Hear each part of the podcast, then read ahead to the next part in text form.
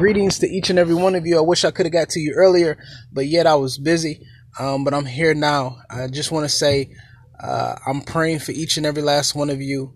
Um, even if I, you know, we don't know each other, I do pray for those who tune in to this podcast. But yet, um, the other day, I just want to continue on with this meditation that uh, I've been dealing with uh, as regards to uh, dealing with Matthew chapter 14 that can be found in the Gospels. It is where uh, Peter begins to uh, walk on water. But before we get to Peter walking on water, I did a podcast the other day that talks about uh, before um, the disciples were in the storm in which they were on that led to Peter walking on water. Uh, it says the narrative begins by saying that Jesus sent the crowds away and he goes up into a mountain to pray. And I talked about how it is essential and necessary for each of us to uh, spend alone time uh, to talk to God, to pray. Um, but I just want to continue on uh, with that narrative. And um, the point that I want to lift up tonight is that, yes, Jesus prays. And yes, it is essential for each of us to spend time in solidarity with God and commune with God. It is ever so much vital. But I also want to remind you that God has not forgotten about you. That when you look at that narrative, you see the disciples who are in the midst of a storm.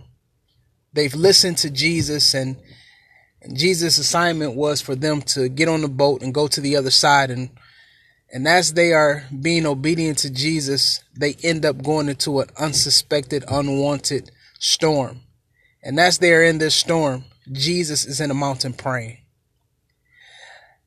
Have you ever been in a position in your life? Have you ever been in a place in your life where you were in the darkest season of your life, the darkest moment of your life? You've been struggling and it seems as if God was too silent, that God was preoccupied with something else many of us believe that God has forgotten about us because you can't remember the last time you heard from God.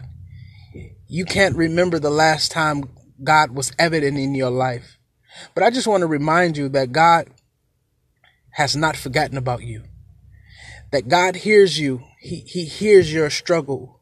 And you may not be able to see God right now, but I'm telling you that if you find time to quiet your area, if you find time to just sit back and recollect, there are some times that you can remember that should cause you to be thankful.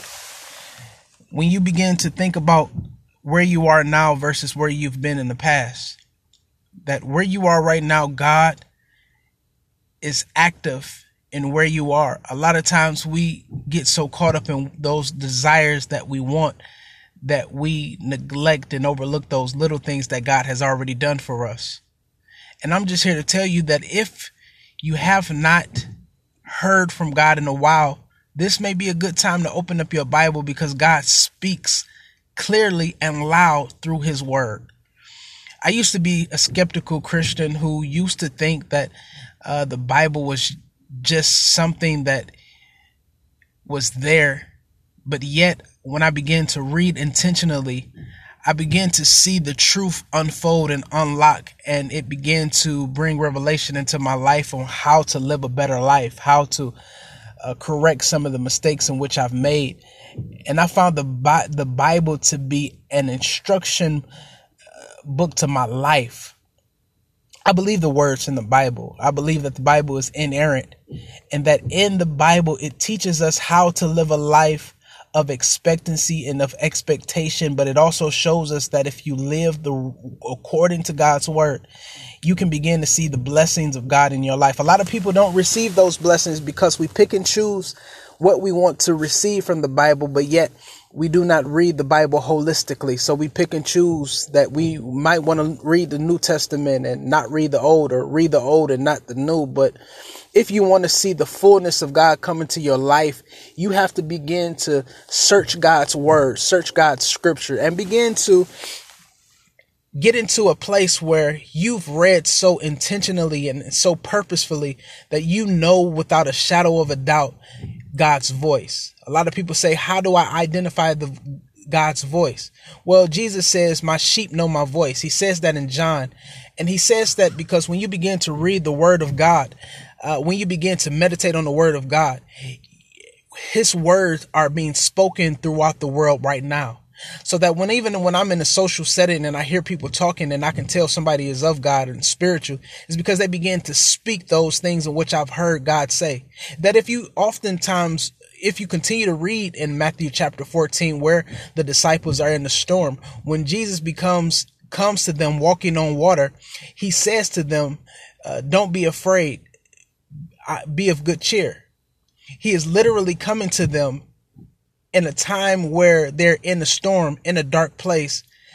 They don't know where God is, yet he comes to them on the water and he says, be of good cheer. It is, it is I, which means he's speaking familiar language because the word that he uses, it is I, it's the same word that God uses in Genesis chapter three when Moses is full of doubt trying to figure out what's his assignment and purpose to free the Israelites.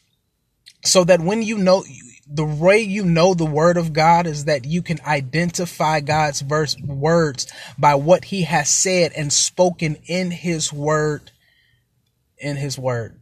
And I just want to encourage you that wherever you are, that God has not forgotten about you.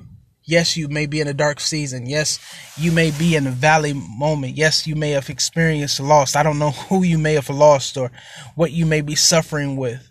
I just want to encourage you and let you know that get closer to God, begin to pray. And I want to speak against every sickness, every mental illness that that seeks to devour you, that seeks to stagnate you and hinder you from becoming all that God wants you to be. So I speak against those things, but yet I'm speaking prosperity into your life, good health into your life, good fortune into your life, prosperity into your life. I'm speaking uh, mental wellness and not mental deficiencies and not mental illness. I'm speaking life into you and strength into you. Wherever you are weak, I'm telling you, God can make you strong. Wherever you are hurting, that God can heal you. Wherever you're suffering, that God is a God that is right there and He's right where you need Him to be. Will you lift your voice and begin to talk to God? All right. Be blessed, people of God.